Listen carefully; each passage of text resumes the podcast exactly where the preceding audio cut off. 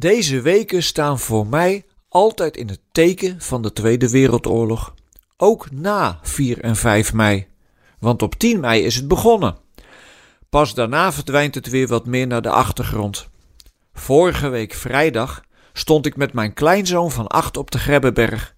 We waren een paar dagen aan het fietsen en die berg zat natuurlijk in het repertoire. Maar als je boven bent, moet je eigenlijk ook wel even naar het militaire ereveld gaan. En daar stond ik dan met een ventje dat net op de leeftijd is dat hij dingen steeds beter in de gaten gaat krijgen. Hij zegt op een gegeven moment: Opa, weet je wat ik nu zo jammer vind? Dat alle mensen doodgaan. Dat God dat zo geregeld heeft.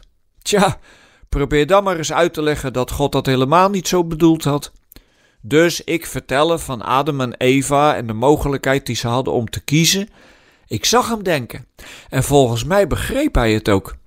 Toen dacht ik wel, als je dit begrijpt, ben je een stuk verder dan veel volwassenen die nog steeds niet begrijpen dat de manier waarop de wereld eruit ziet heel veel met onze keuzes te maken heeft. Misschien wordt wel 80% van de ellende veroorzaakt door keuzes van mensen. En als we het dan in deze weken over vrede hebben, dan denk ik weer: vrede is een werkwoord. Het is geen vaste toestand. Ja, natuurlijk, je sluit op een gegeven moment een vredesverdrag en daarmee komt er dan een einde aan de oorlog, maar dan wordt het juist een werkwoord. Want vrede komt niet vanzelf. Daar moet je iets voor doen. Het is de taak van mensen die Jezus volgen om te zorgen dat hun naaste de ruimte krijgt om te zijn wie hij of zij is.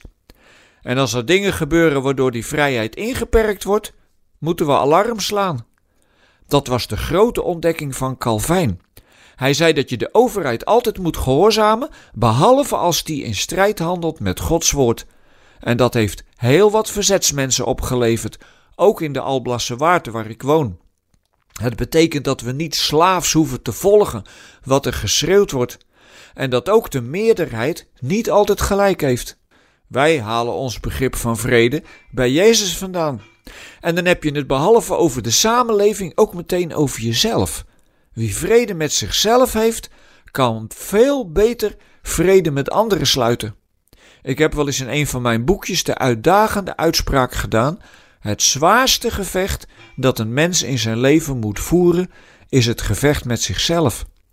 Natuurlijk lekker zwart-wit, maar wie vrede van binnen heeft, kan dat naar buiten brengen. En dat is een vrede die je bij God mag halen. En daarom kan niemand je die vrede ook afnemen. Misschien is dat wel een belangrijke reden waarom christenen in de verdrukking het toch volhouden.